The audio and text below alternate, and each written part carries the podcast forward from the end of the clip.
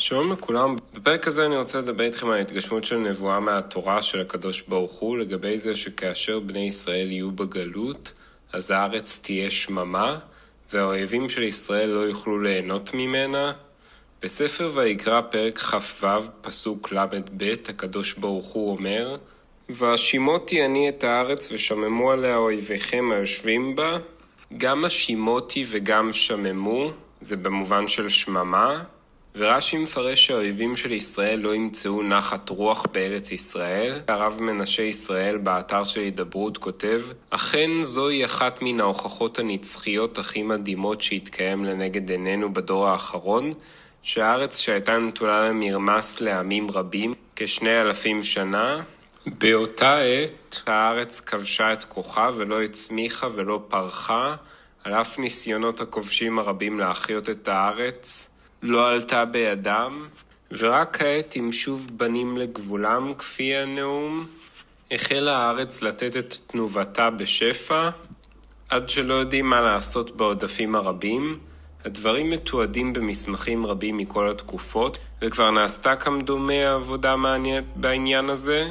ועיקר הנבואה על כך נמצאת בספר יחזקאל פרק ל"ו, שם מתחיל הנביא לבאר השלב הראשון בגאולת ישראל, שישובו בני ישראל אל ארצם מארצות פיזוריהם, והארץ תתחיל להוציא פריה לשבח, אחרי אשר בזמן שלא היו בני ישראל עליה נסגרה שפעה, ולא נתנו פריה בעיטה, וזה ידוע שכל זמן שליטת הישמעאלים בארץ הייתה ארץ שממה, וכמו שאמרו חז"ל במסכת סנהדרין, אמר רבי אבא, אין לך קץ מגולה מזה, שנאמר ביחזקאל ל"ו, ואתם הרי ישראל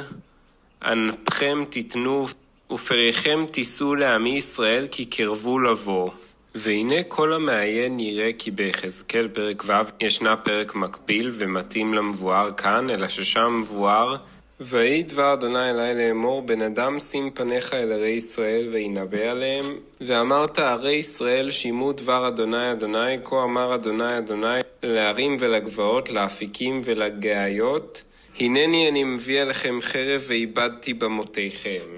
ונטיתי את ידי עליהם, ונתתי את הארץ שממה ומשמה, ממדבר דבלתה, בכל מושבותיהם, וידעו כי אני אדוני. וכאן באה הנבואה אל הערים להשפיע בהם רוח פריחה ונחמה, והנביא אכן דיבר אל הערים, ואמר להם בדבר השם שלא יוסיפו תת כוחם לקיים מה שהזהיר משה, ונתתי הארץ שממה, ואכן הארץ שמרה על צו הנביא ולא הוציאה פירותיה לעמים רבים, אשר סבבו ונדדו בארץ הקודש במשך אלפי שנים, ובבוא הזמן תשמע הארץ לקול הנביא אשר שב שנית לצוותה, כי בבוא בניה על האדמה תתחיל לפרוח ולהוציא פירותיה בעיתן ובזמנם, ועל זה נאמר כל הפרק. ואחרי שגמר הנביא לדבר על הפריחה שיהיה אז בארץ, ממשיך הנביא להודיע עוד דבר, כי ידוע שמלבד שהייתה הארץ שממה כל אותו הזמן לקיים מה שנאמר ושמעו עליה אויביכם, עוד נוסף בעניין נורא, נוראות שהייתה הארץ משכן למגפות שונות, כידוע,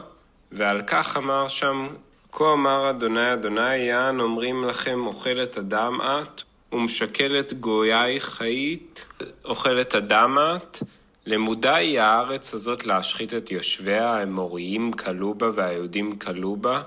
ומשקרת גוייך היית, יען שבגלות אומרים לכם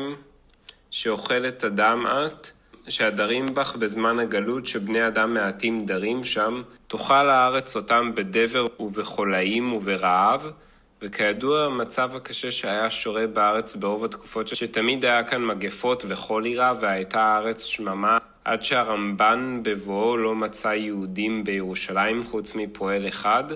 ואחר כך היה גם בהמשך שהייתה הארץ נתונה לרעב ובצורת ומגפות, ורק לפני כ-200 שנה התעוררה התקופה לטובה, והחל היישוב להתפתח, וגם אז היה סבל גדול מכל מיני קשיים ומחלות, כמפורסם בספרי התקופה, עד ממש לפני כ-70 ו-80 שנה. לכן אדם לא תאכלי עוד, וגוייך לא תשקלי עוד, ודברי הרב בעניין הם, שלא יהיה עוד גלות, ונמשיך עם הציטוט מהתנ"ך. נאום אדוני אדוני. ואכן יש להתבונן יום יום כי אנו במציאות שלנו בארץ מגשימים את הנבואות בעצם מציאותנו כאן בארץ הקדושה ויש לנו להתנהג כמתחייב, בהצלחה, מנשה ישראל. אני מקווה שההוכחה שההתגשמות של נבואה זו, אשר נמסרה בתורה על ידי הקדוש ברוך הוא, מוכיחה לכולם שהאלוקים של עם ישראל הוא אמיתי והתורה היא אמיתית, ונמסרה לנו על ידי נביאי האמת של הקדוש ברוך הוא. תודה שצפיתם ונתראה בפעם הבאה.